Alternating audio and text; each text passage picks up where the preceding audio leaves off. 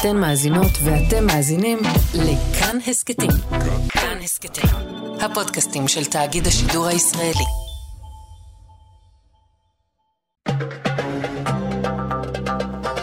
גם כן תרבות. עם גואל פינטו. שלום, שלום לכולכם, תודה שהצטרפתם להסכת סוף השבוע של גם כן תרבות, מגזין התרבות של ישראל, כאן אצלנו ברשת כאן תרבות. היא מגדירה עצמה כארטואוליסטית, מכורה לאומנות כבר כמעט 20 שנים מאז התאהבה לראשונה באומנות מודרנית, והיא רוכשת ורוכשת ורוכשת. עכשיו מעט מהיצירות שברשותה, רק 180 מוצגים בתערוכה מיוחדת במוזיאון העיצוב בחולון. וגם למי קרא המשורר הלאומי חמודה, וכיצד שיר שכתב ביאליק לפני 90 שנים נעלם מעיניהם של החוקרים, אוצר של ממש. ודניאל עמית, עוד אוצר, הוא מגדיר עצמו אוטיסט גאה ומוציא אלבום חדש, יותר משהחברה מעניקה לו שיעורים, הוא מעניק לנו אחד. עורך המשדר, אייל שינדלר, על ההפקה, נועה רוקני, בצוות התוכנית, ענת שרון בלייס, בר בלפר ואבי שמאי. האזנה נעימה. גם כן תרבות. אחרי ההצלחה של הנשף, הצלחה באמת גדולה מאוד, שהביאה אל חלל מוזיאון העיצוב בחולון קהלים חדשים, המוזיאון מתמלא עכשיו בפריטים ובתצוגה שונים לגמרי, 180 עבודות של 150 אומנים שמעניקים פרשנות חדשה למושג בית. אחרי שתבקרו בתערוכה שקוראים לה Overdose, המטאטא, המטבח, מברשת השיער, כיסא נדנדה, כל החפצים הברורים מאליהם שיש לכם בבית ייראו לכם אחרת לגמרי. כאמור, Overdose, והיא מבוססת כולה על האוסף הפרטי של גלילה ברזילי הולנדר, שיושבת הן בישראל והן בבלגיה, ומגדירה עצמה כארטוהוליסטית, מכורה לאומנות. היא איתנו עכשיו. בוקר טוב לך, גלילה. בוקר טוב לכם. ברכות, אני שמח שאת נמצאת איתנו הבוקר. זה כל התענוג בשבילי. מתי הבנת שאת מכורה? אני, אני, הבנתי שאני מכורה אה, בתחיל, בתחילות שנות 2005. אני גיליתי את עצמי אה, כבן אדם שיותר מבין את העולם של מחר מאשר את העולם של אתמול, שהיה עולמו של בעלי זיכרונו לברכה. הוא היה אספן עתיקות, ואני גיליתי אומנות עכשווית רק אחרי שהוא נפטר. ומה, התאהבת ברגע? Uh, אני אומר שזה היה רגע, זה היה ממש ברגע, זאת הייתה מטרמורפוזה שלקח 20 דקות. קניתי עבודה ראשונה, והייתה לי הרגשה שנולדתי מחדש, שגיליתי שהייתה גלילה שנייה בתוך גלילה הישנה. לא הייתי צעירה, הייתי בת 56 בזמנו.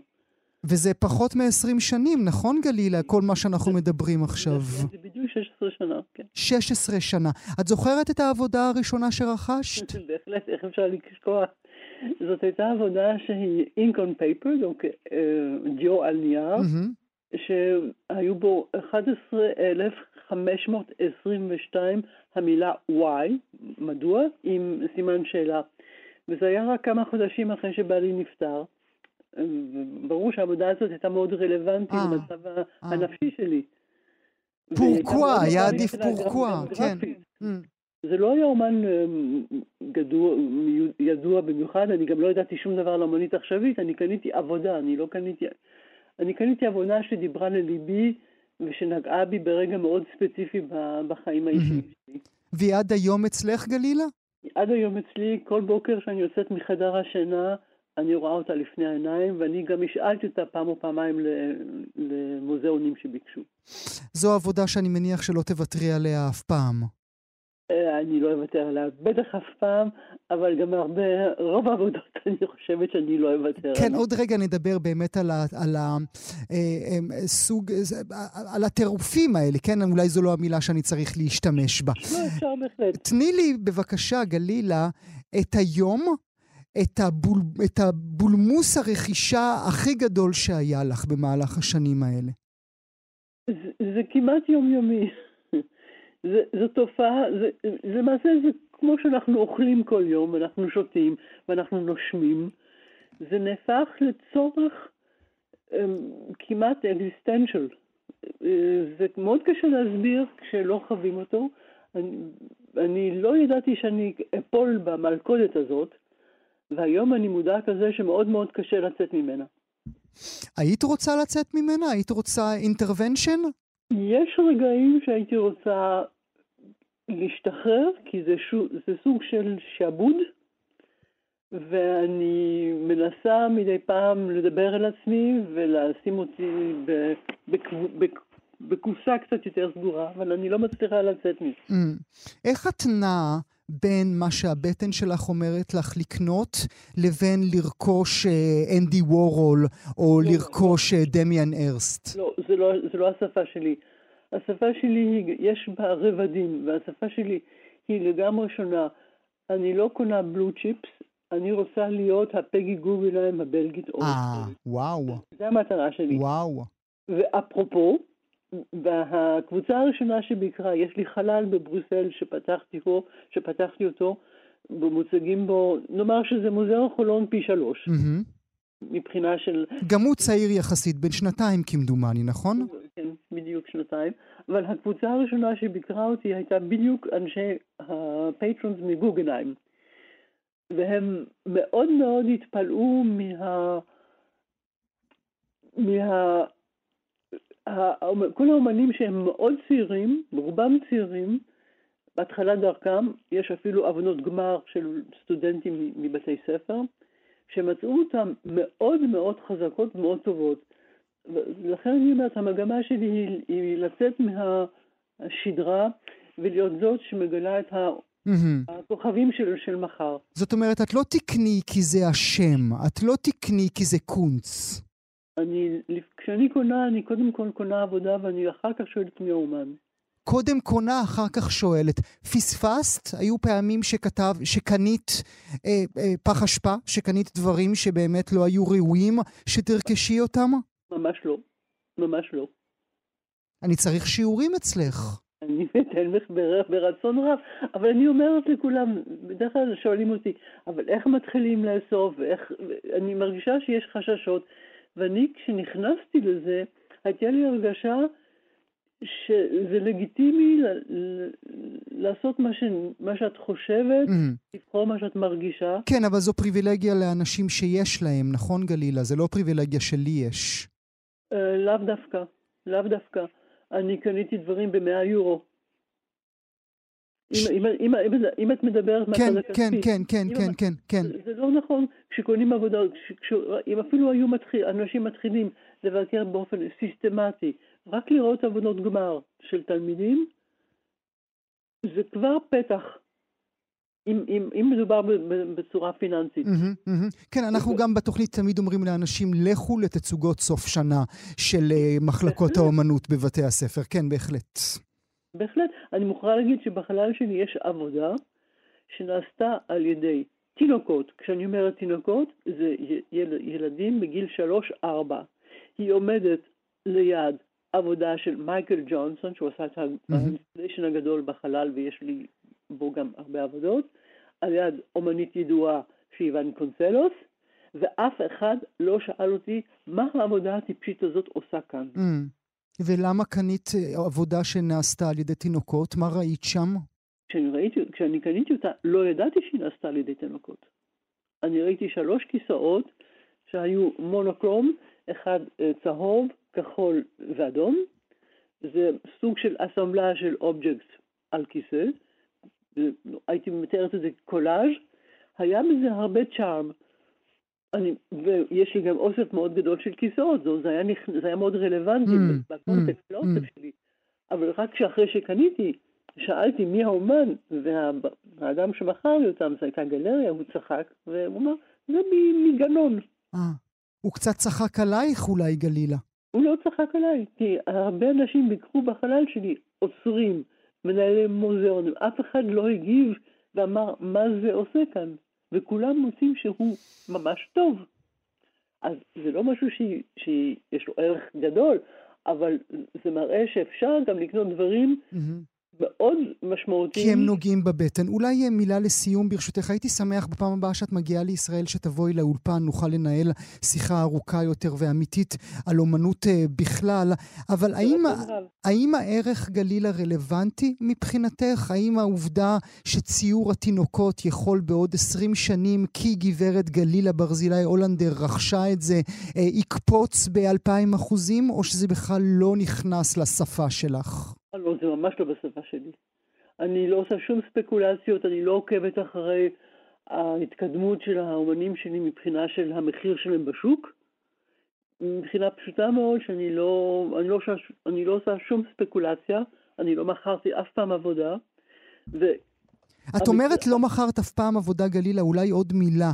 איפה שמים את כל העבודות האלה למען השם? אז קודם כל, אין לי כבר אין לך מקום, את יכולה אצלי לא, לא, בבית, אין, גלילה. לא, אין לי בית יותר, אני, אז אני, אין לי, אין לי האוס, יש לי warehouse. אני, mm, מחסן, מחסנים יש לך, כן. אני חיה, אני, אני חיה, הבית שלי נראה כמו מחסן, אבל אני רואה את, אני רואה את העבודות בראש שלי, זה, זה להיות קצת... זה קצת חולני, אני מודה, אני מודה בזה, אבל זה נותן כל כך הרבה סטיספקציה, כל כך mm. הרבה הנאה. להכיר את האומנים, mm-hmm. להתחבר אליהם, אה, הקשרים שנוצרו. כן, תמיד אפשר להגיד שחולניות וסטיספקציה וסיפוק תמיד הולכים אה, ביחד.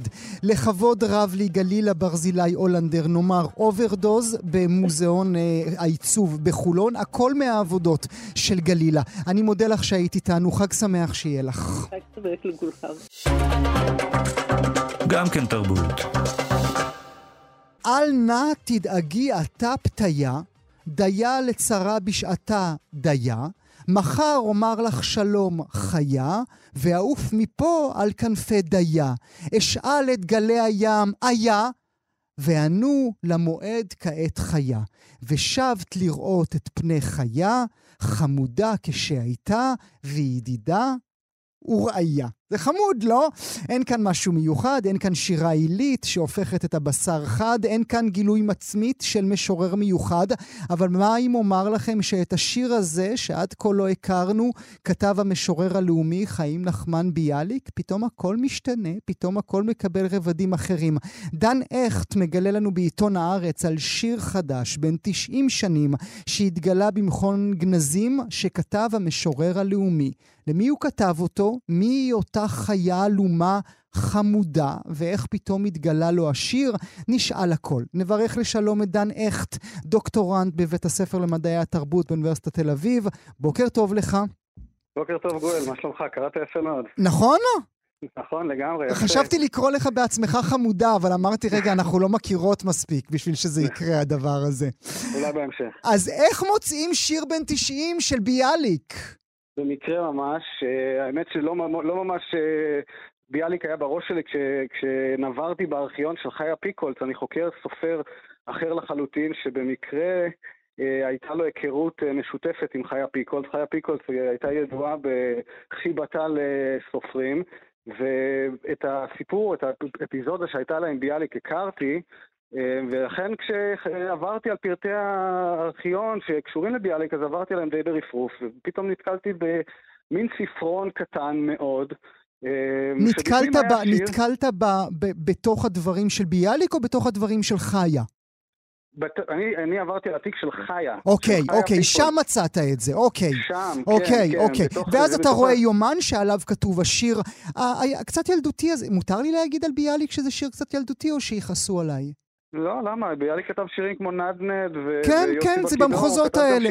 זה הוא במח... כתב גם שירי ילדים שכולנו מכירים. אה, אני לא, אני גם לא, אני מניח שביאליק לא, לא חשב שהשיר הזה אה, יראה אור, אולי קצת בתמימות.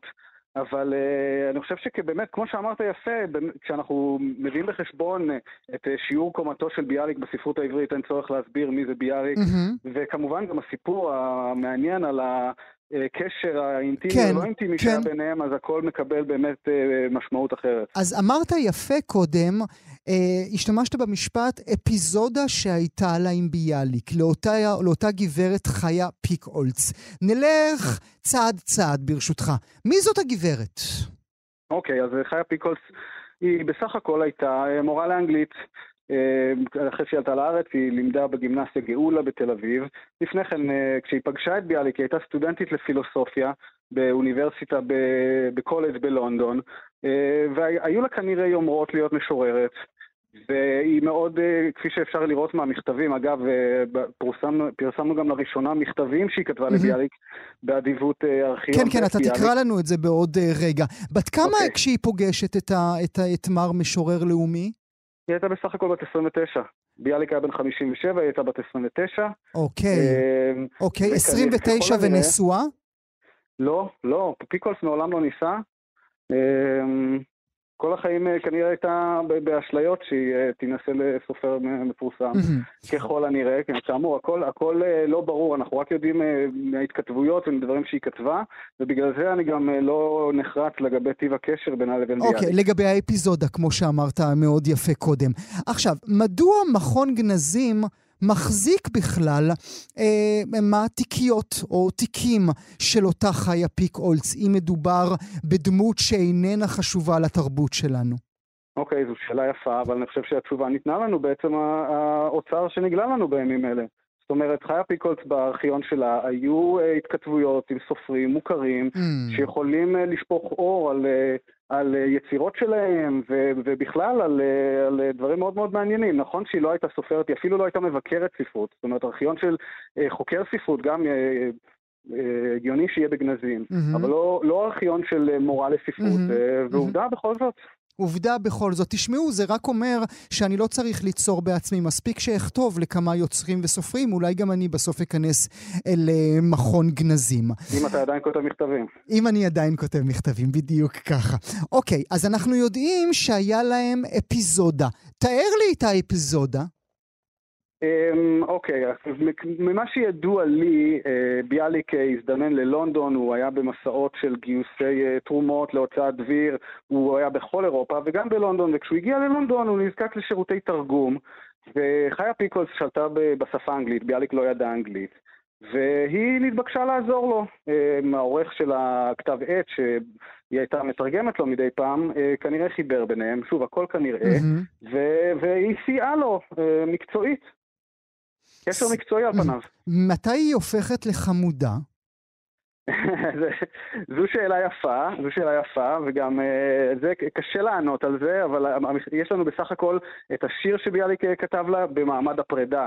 אה, כן, אבל יש גם מכתב, נכון? ש... אוקיי, מכתב, אוקיי. כן, המכתב אוקיי. הזה ולידך אתה יכול לקרוא לנו? כי הוא... המכתב, אני אצטרך רגע, אני אצטרך כמה דקות, אבל, אבל המכתב הוא נשלח לה מפריז. זאת אומרת, ביאליק כנראה היה נתקף געגועים, ואחרי שהוא עזב אותה, כשבוע לאחר מכן כבר כתב לה מפריז, ושם הוא באמת כינה אותה חמודה. לא, רגע, אנחנו, אנחנו, מה זה, שנינו חמודות כשאנחנו אומרים כן, הוא מדבר איתה על נשיקה ונשיקות שהיא חתמה בפניו ובידיו. נכון, נכון. זה לא אפיזודה, אחי. אה, תראה, זה אפיזודה כי זה היה קצר מועד. תראה, חיה פיקולץ אה, ניהלה מערכת יחסים של 35 שנה עם סופר אחר. אה, שזה כבר ממש, אה, ממש אה, לא, לא, לא בגדר אפיזודה. עם ביאליק זה היה, מה שהיה או לא היה, זה היה קצר מועד, זה היה, בוא נאמר במקרה הרע או הטוב, רומן חורפי. כפי שהיא כינתה את זאת ימי אביב באדר. יפה. איך הם יפה, איך הם, אפילו את הדברים השובבים ביותר אבל, הם ידעו אבל, להגדיר, כן. אבל תדע ש, שבאמת אנשים לוקחים את זה באמת לכיוון ש, ש, שחד משמעית אה, היה שם אה, אה, רומן, ואם תסתכל בערך הוויקיפדיה של חיה פיקולס, כתוב שם במפורש שהיא הייתה אהובתו של חיים נחמן ביאליק, שזה ודאי לא נכון. אה, אם אתה שואל אותי, ואני גם לא יודע שום דבר, וזו רק ההנחה שלי, היה שם מעין פלירט בין גבר מבוגר, שכנראה גברת פיקולס עוררה בו אי אלו רגשות, ומעריצה, שכאמור ליבה הלך אחרי סופרים, ויכול להיות שכך פשוט דיברו, ולנשק פרקי אצבעות זה משהו מטאפורי שעושים לאדם שאתה מעריץ. אבל צריך לזכור גם שעברו 90 שנה, אנשים באמת לא מדברים ככה יותר, לא כותבים ככה יותר, גם המכתבים שפיקולס כתבה לביאליק היו מלאי פאתוס, ואנשים לא מדברים ככה יותר, וצריכים לקחת את זה בחשבון. שיכול להיות שהדברים האלה הם גם הזמן שחלף, אה, אנחנו, אנחנו קוראים את זה גם אחרת. מהמם. כן, יש שם מונחים, כן, אה, בתך, היא מתייחסת אל, אה, אה, אל עצמה כביתו, היא מתייחסת אליו אה, כאב, היא מנשקת את היד שלו עד בלי סוף. אה, לא מנשקים יותר אה, ידיים. נשיקות לב ויד לאדוני מאת המסורה לו חיה. זה, אתה שים יודע, לב, שים לב שביאליק, אגב, לא מקל עלינו במובן הזה. בשיר הוא קורא לה מצד אחד ידידה, מצד שני רעיה. מהמם, זאת אומרת, הוא שומר על, אה, על אה, מין טווח חיבה כזה מאוד מאוד רחב, שאתה, הפרשנות היא בידיך. במכתב הוא שואל, מה היית לי? בת, אחות, כלה? אתה, אתה, הדמיון הוא שלך יכול ללכת לאן שהוא רוצה, אבל אה, ביאליק פה מאוד מאוד אה, מערפל את זה. זאת אומרת, אני מרגיש שבאיזשהו מקום הוא כמו, כמו רצה להיתמם אפילו באיזשהו מקום. זאת אומרת, יכול להיות שאתה יכול לקרוא את זה ככה, וחיה פיקולס אה, הבינה את זה בצורה מסוימת, אבל מישהו אחר יכול להיתמם בפניו, בסך הכל אה, באתי חיבה אבהית. מהמם. אגב, אה, גם כתבתי על זה שלא רק אנחנו חושדים בביאליק ובטיב הקשר המקצועי או הלא מקצועי שהיה ביניהם, גם מניה אשתו קיבלה מכתב מגברת פיקולס. או-אה, או-אה, או-אה. כן, כאן זה כבר נהיה טלנובלה, ושלחה את זה כמו שהיא קיבלה את זה ישירות לביאליק. בלי לומר מילה. זאת אומרת, תדע לך שאני יודעת. וכאן כאן אה, ביאליק הכחיש נחרצות, ו- וזה, זה, האמת שזה קצת אה, לא נעים לקרוא, אבל אה, לא יודע, אני, אני, אני נוטה להאמין לו קצת. זה לא מתוך כבודו. הזכרת אה, קודם את העובדה שהיא הייתה במערכת יחסים ארוכת שנים עם סופר אחר. אנחנו מדברים על האבא של נתן שחם, נכון? נכון, נכון. נתן שחם גם כתב על זה, זאת אומרת, זה לא סוד. סיפור הכיסוי הכפול. של אמי, כן. בדיוק, כן. הוא כבר פתח את זה מול, אה, מול כולם. זה היה דבר ידוע בתל אביב של אז, שהיה מקום קטן, והוא הוא העלה את זה על הכתב. אה, כן, כן, זה. סיפור אה, מרתק לא פחות. אה, אני מניח ששטיינמן לא מעניין כמו ביאליק, אבל הסיפור האהבה שלהם היה סוער ומרגש, והארכיון שלה מלא במכתבים וב- ובמחברות שהיא מילאה, וכל הרגשות שלה שם בחוץ, והיא הייתה אישה מרתקת. מילה לסיום, מתי הם נפרדים? מתי כבר אין קשר בין, אה, חיה לבין חיים נחמן? טוב, הם נפרדו אה, כשהוא נתן לה את השיר, זה היה בסוף פברואר 31. השיר הזה שאיתו התחלנו. השיר הזה היה מתנת פרידה, הוא אמר לה שלום. השיר הזה היה מתנת פרידה. כן, איך בשיר, פספסתי מחר את הסיפור הזה. חיה. Mm. מחר אומר לך שלום חיה, ואת גלי הים אשאל היה. גלי הים זה גלי הים שבתעלת למאנש בין אה, לונדון לפריז. אה, ו- ומאז הם שומרים על איזשהו קשר מכתבים אה, רופף מאוד, הוא שולח לה ספר עם הקדשה, והיא שולחת לו תמונה עם הקדשה, זו אותה תמונה שמאניה ראתה ושלחה בזעם, בהתרסה, אה, ישירות לביאליק. ולפי התכתובת מכתבים שאני לא ראיתי עוד מכתבים מביאליק אצל פיקולס, וסביר להניח שלו היו מכתבים כאלה, הייתה נוצרת אותם עד סוף ימיה כפי שהיא נצרה את המזכרות האחרות. אמ, אני מניח שהוא פשוט אה, הפנה לעורף, מאותו רגע שמאניה הלאה. באה בסוד העניין, מהמם. המשיך הלאה, אה, יכול להיות שגם ניסה מאוד לטאטא את הדבר. אה, אנחנו יודעים שאגב, אה, אנשים שהיו אמונים על המורשת של ביאליק, השתדלו לטשטש את דמותה של חיה פיקולס. כאמור, כל הדברים, השם של פיקולס מוזכר באיגרת שביאליק כתב לאשתו. מהמם. ובמהדורות שלאחר מכן כינסו את כל מה שביאליק כתב, כאמור, כל מה שביאליק. כתב כונס. השם שלה הושמט. מתוך, אה, וזה נעשה לאחר מותו של ביאליק, כן. מתוך כבוד לביאליק. והנה ו- הגיעו הדן הכטים של העולם ואומרים לא, רגע, רגע, רגע, יש עוד עמוד, יש עוד דף בסיפור הזה. טוב, אנחנו נכון. יכולים לסיים בחמודה או שעוד לא בעיניך הגענו לזה? בהחלט. הגענו בהחלט, לזה. דן הכט, לעונג רב, תודה לך, תודה לעיתון. הארץ, תודה לך. תודה.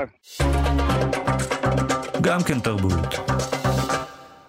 הוא בן 25, סדרת ספרי הקומיקס שכתב סיפרו לעולם את חוויותיו האישיות ואת התגובות בסביבה להיותו אוטיסט גאה, כמו שהוא מגדיר את עצמו. עכשיו אלבום בכורה, קוראים לו האור. בואו נשמע. את הפכת בי חיים,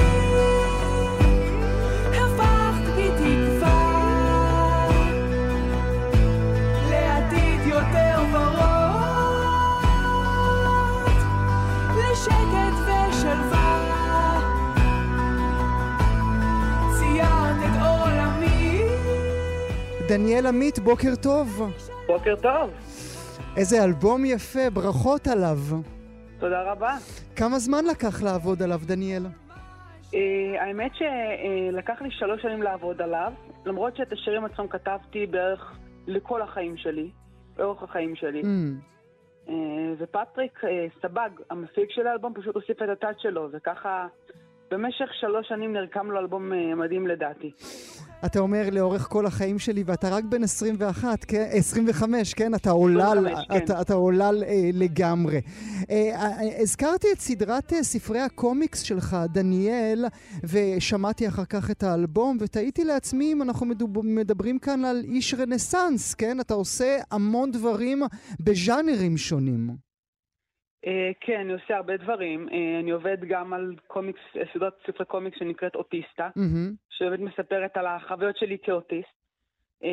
בספרים אני בעצם צוחק על עצמי, צוחק על הסובבים אותי, צוחק על, ה, על החוויות שלי כ, כאוטיסט, ובעצם ב, באלבום למעשה, אני פחות, זה פחות mm-hmm. אלבום שאמור לצחוק על דברים, זה יותר אלבום רציני. מהמם. אלבום שמדבר על uh, חוויות, uh, כמו למשל uh, חוויות הבדידות, על אהבה, גם אהבה נכזבת, um, על השלמה עם מי שאנחנו, וקבלה עצמית, שאני די שואף להגיע לזה כל הזמן ומתאר לעצמי שעוד הרבה אנשים. כן, זה לא ייחודי אה, רק לך, דניאל, זה בוודאי, אה, בוודאי אה, עובר כחוט השני ביצירות רבות. תסביר לי, דניאל, מה זה אוטיסט גאה?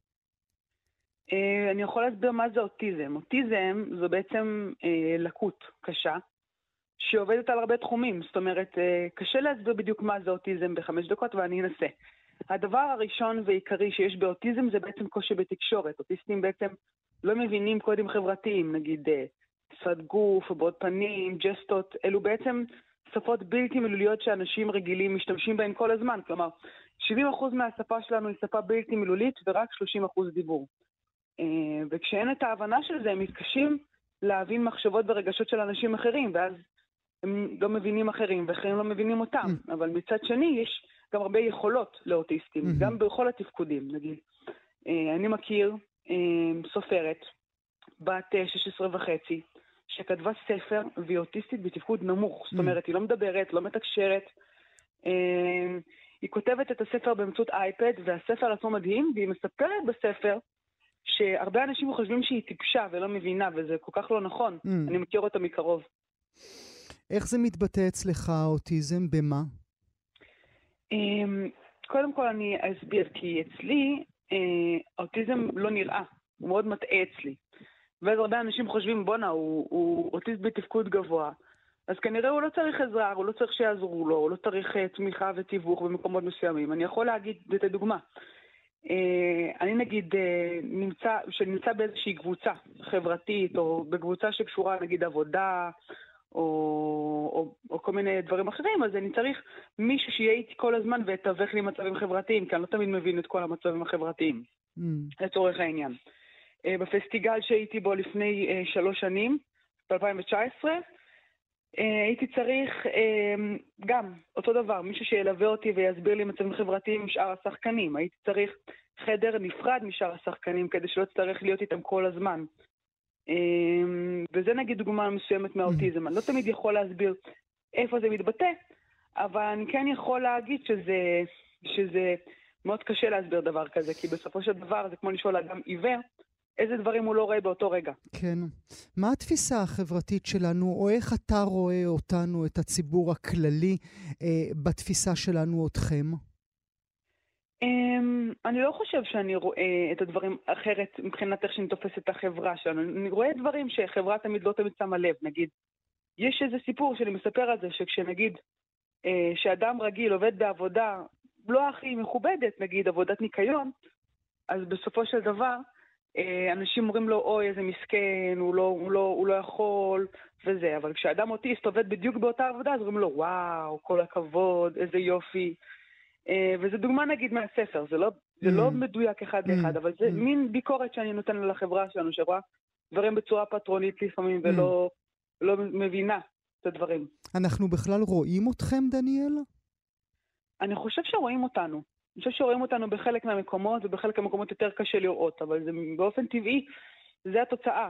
כי נגיד, אה, אני חושב לצורך העניין, שאוטיסטים בתפקודים אה, יותר גבוהים, נגיד אוטיסטים שמדברים ומתקשרים, יותר קשה לראות עליהם, ואז לא נותנים להם עזרה כשצריך. אבל מצד שני, האוטיסטים שהם לא מדברים, שהם זקוקים לעזרה, שרואים עליהם שהם זקוקים לעזרה, לא מתייחסים אליהם בצורה נכונה, כי חושבים עליהם שהם טיפשים ושהם לא מסוגלים לעשות כלום, וזה כל כך לא נכון. אז אחרי שאמרנו את כל זה, דניאל, תסביר לי שוב את עניין הגאה. אה, את עניין הגאה. אה, אני אוטיסט גאה כבר, אפשר להגיד שאני גאה כבר 23 שנים בעצמי. וחשוב לי להגיד את זה, כי חלק מהאנשים רואים את זה באמת כמשהו שלילי, והם טועים.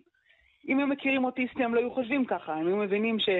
שגם לאוטיסטים יש סיבות להתגאות בעצמם, שהם, שהם בעצם שווים כמו כל אחד אחר. ועד כמה שאני יודע, אומרים שביל גייטס וצוקרברג אוטיסטים, שמסי אוטיסט, ועוד מלא אנשים ש, ש, שעוד חלק מהם אפילו לא, לא יצאו מהארון עדיין בתור אוטיסטים. Mm-hmm. ואני שואל, אין להם סיבה להתגאות בעצמם? תמיד, תמיד, תמיד. בשבוע שעבר, נדמה לי בסוף השבוע, דניאל, אתה תתקן אותי, אה, העולם ציין את יום המודעות הבינלאומי לאוטיזם. נכון, שני לאפריל. אתה, אתה מרגיש בנוח עם הימים האלה, או שאתה אומר, תעזבו אותי מרגע אחד, דברו איתי 365 ימים בשנה? אני מסכים איתך בדיוק עם המקום השני שאמרת. אני חושב ש... שלא צריך יום אחד של מודעות, אני חושב שצריך שתהיה מודעות כל הזמן וכל השנה.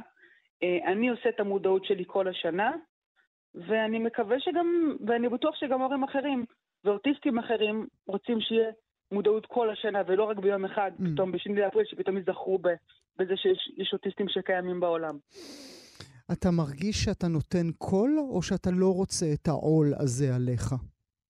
Um, אני כן מרגיש שאני נותן קול, אבל אני לא חושב שאני... אני מדבר, בעיקר אני מייצג את עצמי, לא מייצג, אני לא מרגיש שאני uh, מנסה לייצג... אבל בטח מבקשים, בטח, בטח אתה מרגיש שדורשים ממך את זה. כן, חלק דורשים, אבל אתה יודע, זה בקשות לחוד ומציאות לחוד. זאת אומרת, אני, אני מאוד מאוד uh, מנסה לתת את הקול שלי, אבל אני נותן אותו בתור עצמי. מהזווית שלי, ולא בתור, אני לא מנסה לייצג אף אחד, אני לא מנסה אה, לדבר בשם מישהו אחר, אני כן מנסה אה, לתת את הזווית שלי מהעניין, ואני רואה שהרבה אנשים מאוד מושפעים, ואני שמח שאני נותן לאנשים השראה. Mm. נגיד, אה, הרבה אנשים הולכים כמוני, עם החולצה, אני אוטיסט גאה, כמו שאני הולך הרבה פעמים. אה, וזה מאוד משמח אותי לראות שיש אנשים שזה נותן להם השראה. בוא נדבר על התקופה בה אנחנו חיים, דניאל, אם אתה מרשה לי. יש, יש יותר ויותר אה, מודעות, אנחנו רואים את זה אפילו בסדרות הטלוויזיה, אנחנו רואים את זה בקולנוע, אנחנו רואים הרבה מאוד דמויות שנמצאות על הרצף. אתה מרגיש שהתקשורת הפופולרית רוכבת עליכם, או שזה עושה לכם טוב?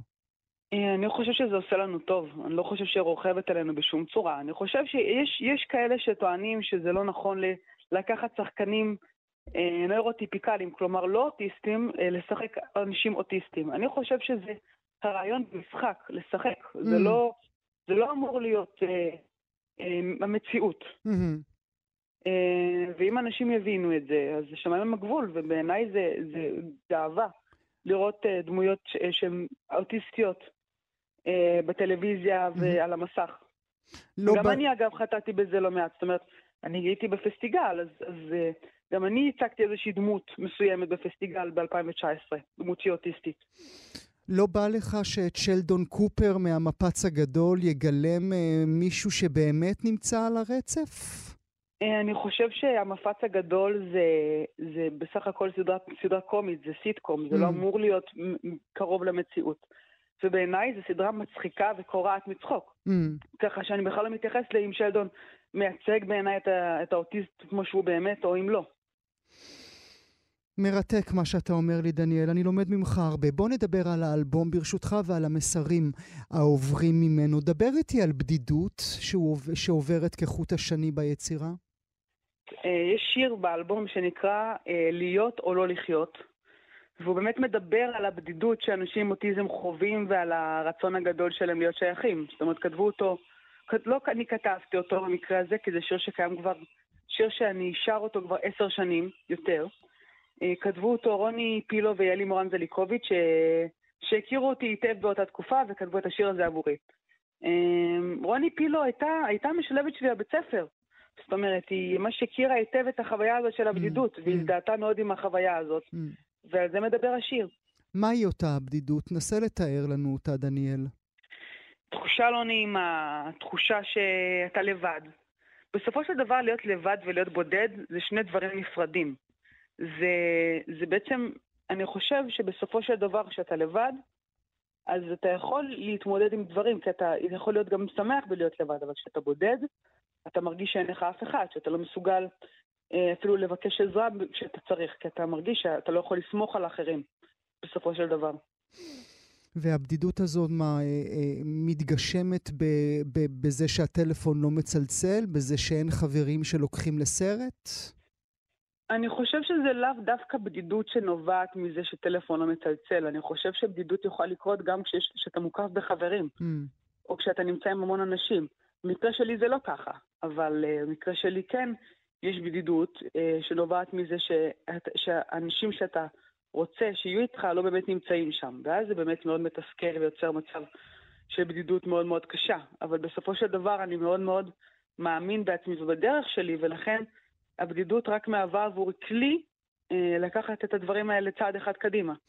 אני רוצה לדבר איתך גם על אהבה, אבל עוד לפני כן אני שומע את המילים שלך, ואני תוהה באיזה בית גדלת. אתה, אתה כולך, אתה כולך מלא, אתה כולך שלם, אתה כולך כן. ברור. איזה מין בית זה היה, ומה ההורים שלך נתנו לך לאכול? אה, בעיקר הרבה קובי סלק. כן. אה, אני גדלתי בבית עיראקי אה, עם אימא חד-הורית. זאת אומרת, אני נולדתי בתרומת זרע, אה, ואימא שלי היא חד-הורית, ובאמת, אה, היא עשתה המון דברים, היא עשתה הכל כדי לגרום לי להתפתח ולגדול. אני יכול להגיד שכמו שהיא לימדה אותי הרבה דברים בחיים, היא טוענת שגם אני לימדתי אותה הרבה דברים. אה, לפחות ככה היא טוענת. אה, וככה אנחנו בעצם הצלחנו להתפתח אחד עם השני. ואני חושב שזה טוב מאוד ש, שלי ולאימא שלי יש קשר מאוד חזק. Hmm. מה למשל לימדת אותה בעיניך? אני חושב שהיא עד היום אומרת שאני לימדתי אותה שלהיות משולב בבית ספר רגיל לא עושה תמיד טוב לאוטיסטים. זאת אומרת, אמ, כשאני הייתי אה, יותר קטן, אז אני הייתי משולב בבית ספר רגיל עם סייעת. והיא למדה שבעצם אני לא חייב ללכת בדרך הזאת, לא חייב ללכת לנסות להיות כמו כולם, אלא אני יכול גם ללכת לנסות להיות בדרך שלי. Hmm. וזה משהו שהיא למדה ממני, ובסופו של דבר עד היום אנחנו לומדים מזה. Hmm. כי זה המאבק שהיא עשתה עבורך, היא רצתה שתשתלב, שתשתלב, שתשתלב, ואתה לימדת אותה שלפעמים לא חייבים. נכון? נדבר על אהבה ברשותך מעבר לאהבה לאימא.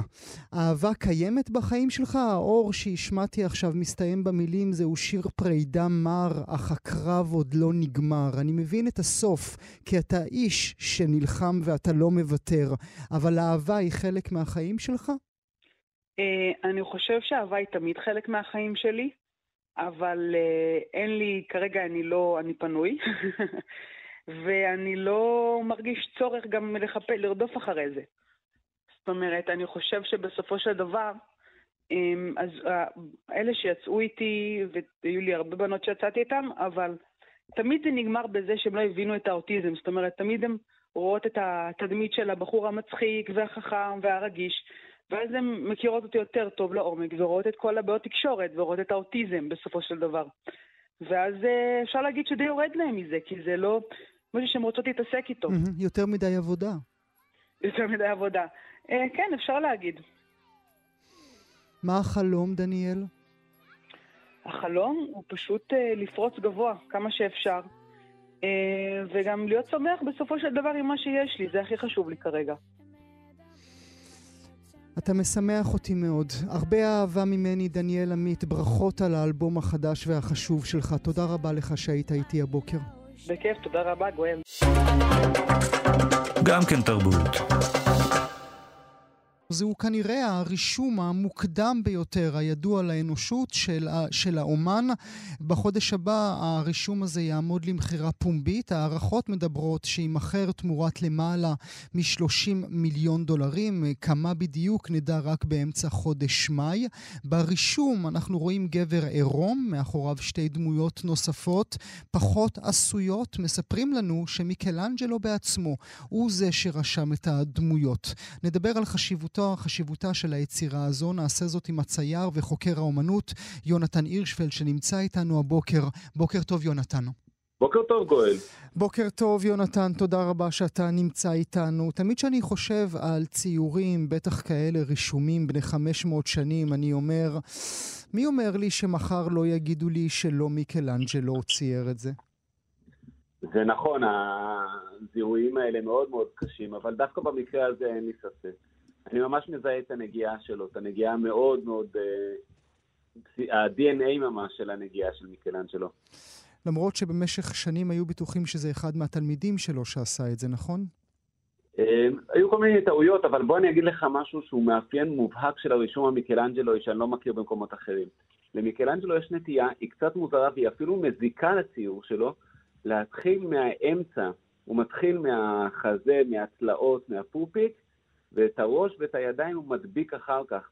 אפילו בקפלה הסיסטינית, אם תסתכל על האדם המפורסם ב... שיושב ומושיט את האצבע לאלוהים, תסתכל איך הראש שלו מודבק, קצת לא מתאים, קצת קטן מדי. מיקלנג'לו תמיד מדביק את הראש בסוף, וזה באמת מאפיין אה, שאני לא מכיר אצל אף אומן אחר. וגם בציור הזה, ציור העירום גם... של הצעיר, אנחנו רואים את, את אותה השיטה, אתה אומר. ממש, רואים את זה מיידית.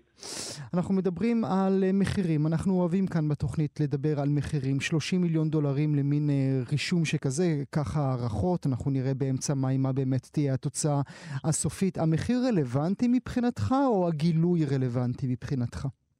אמ, המחיר, נות... המחיר משקף את העובדה שהציוויליזציה שלנו נותנת ערך לדבר הזה.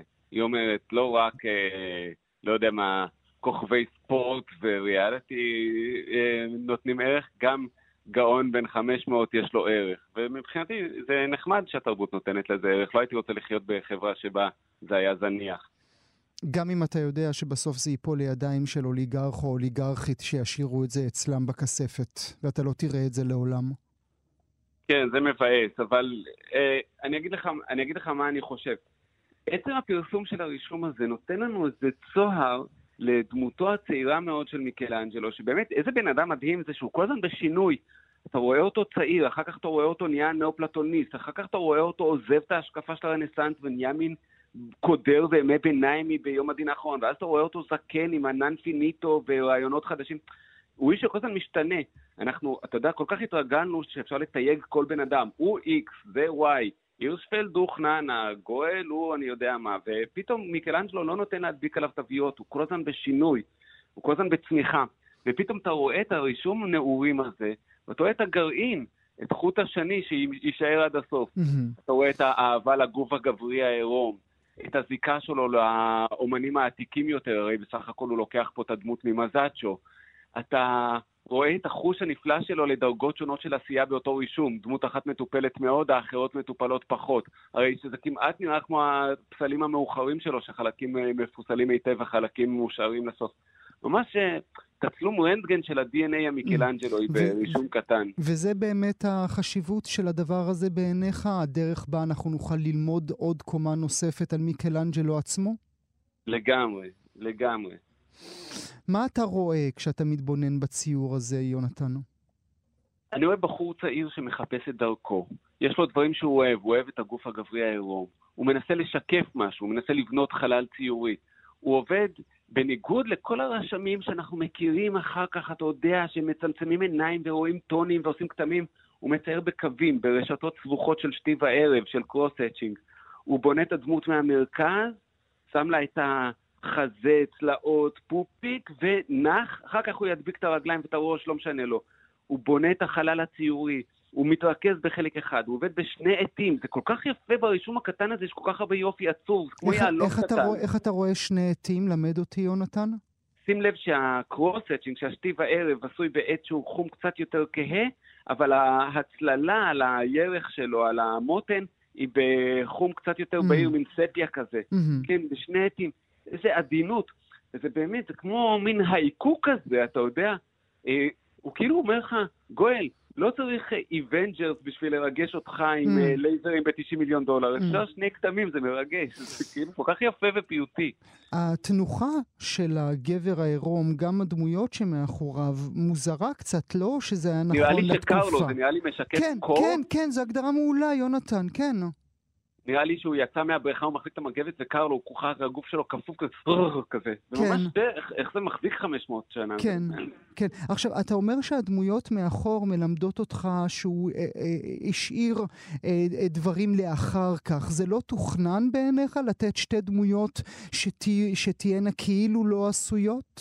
אז זהו, שזה מה שאני, זה, זה נראה כאילו, נכון, אחת הוא טיפל עד הסוף, השתיים לא, אבל מצד שני אנחנו מכירים את זה בכל העשייה שלו, הוא תמיד אוהב לעשות את זה. הוא, מה, מההתחלה ועד הסוף, מכיוון שיש לו חוש נפלא לדרגות שונות של עשייה באותו ציור, באותו רישום, באותו פיסול. בדיוק לאחרונה, אתה יודע, אה, כתבתי איזה טקסט לאחד המקומות על הדוני טונדו, על הציור העגול המפורסם שמריה מחזיקה את ישו על הזה. מאחור יש דמויות שעשויות במין קו אה, חופשי כזה, ואתה אומר, בציור כל כך מלוטש, כל כך... מהמם. זה אין, זה אחד, זה ממש פלא פלאים. רגע, רגע, אז תסביר לי, בוא, בוא, בוא, בוא, בוא ניכנס רגע לנקודה הזו. לא יכול להיות, כמו- הרי זה הוא לא עצלן, כן? לא מדובר בעצלן. עשיתי את זה, זהו, אני הולך הלאה. על ליאונרדו אולי אפשר להגיד עצלן. Mm. על מיקלאנג'לו שעשה נכון. ציורים של 600 מטר רבוע, ואת משה ודוד, ובוא נגיד, זה לא עצלן. זה אוקיי. בן אדם שיש לו חוש נפלא? לאומנות שמדברת על תהליכי העשייה שלה. אה. חוש כמעט מודרניסטי של קוסם שמראה לך, פה החור בכובע, פה אני מכניס את הארנבת. כל הזמן הציור מדבר על ציירות, הפסל מדבר על פסלות. כל, אני רוצה להגיד לך משהו עמוק, כל הפיסול הרנסנסי והברוקי, כולו עסוק בלהסתיר את האבן, ולגרום לך לחשוב שהאבן היא שיער, או ירך, או בד. Mm. רק מיקלאנג'לו, הפיסול שלו עסוק בלחשוף את האבן. Mm. להגיד לך, תראה, זו אבן. לגלות את אבניותה של האבן, אם יורשה לי כאילו להיות פיוטי רגע. Mm. להראות לך, בואנה, זה החומר שממנו עושים בית או מצבה. מקסים, מקסים. הדמות הזו של הגבר שקר לה, כך החלטנו, שקר לה, היא מופיעה שוב ביצירות אחרות שלו? כן, בטח. אני מציע לחשוב, אה, להסתכל אפילו ביום הדין האחרון, בעבודות הממש מאוחרות, רואים עוד את ה... אה, ממש בשאול שם, את השדים שנכנסים לשאול, רואים את הדמות הכפופה הזאת עם הידיים. זה ממש, אה, זה, זה משהו שילווה את מיקלנג'לו כל חייו, זה, רישום נורא מוקדם, אתה יודע, מזה, אה, ממש מהשנים הראשונות של עיצוב אישיותו, כשהוא, כשהוא בונה את, ה, הייתי אומר, המילון החזותי שלו מהתבוננות ב old masters שלפניו. וצריך גם להגיד משהו, אנחנו חושבים על הרצף הזה, כן, ג'וטו, צ'ימבווה, אה, מזאצ'ו, מיקלנג'לו, אבל אין רצף. זה שורה של קיטויים, כאילו, בואנה, בינו לבין מזאצ'ו יש מיליון שנה, אתה יודע, זה מהמם. כאילו. זה כאילו לא נראה שזה צויר באותו עולם בכלל. מה העולם יכול להרוויח מיצירה כזו נוספת שאנחנו, אה, שאנחנו ככה מגלים פתאום? אה, מה העולם יכול להרוויח? העולם יכול להרוויח את זה שאנחנו... אה, מת, אני, קודם כל העולם יכול להגיד לעצמו, איזה עולם נפלא אנחנו שיש בנו את מיקלאנג'לו. Mm. לא כל העולם הזה הוא פח אשפה. ושנית כל, ו- ושנית כל העולם יכול להגיד לה- לעצמו, איזה יופי אנחנו, שאנחנו מתעניינים גם בעדינות, בערכי גילומה של הגותו האומנותית של אחד מגדולי האנושות. הרי בסך הכל, תראה, אם נסדר את האנושות בחנות מכולת, Mm. רוב האנושות מקומה במחסן, אחדים מקומם על המדפים, אבל מיקלאנג'לו הוא חלון האהבה שלנו, אותו אנחנו שמים, אותו אנחנו מציגים לעולם, זה השפיץ שלנו, אין לנו מוצר טוב יותר למכור, גם 500 שנים אחורה.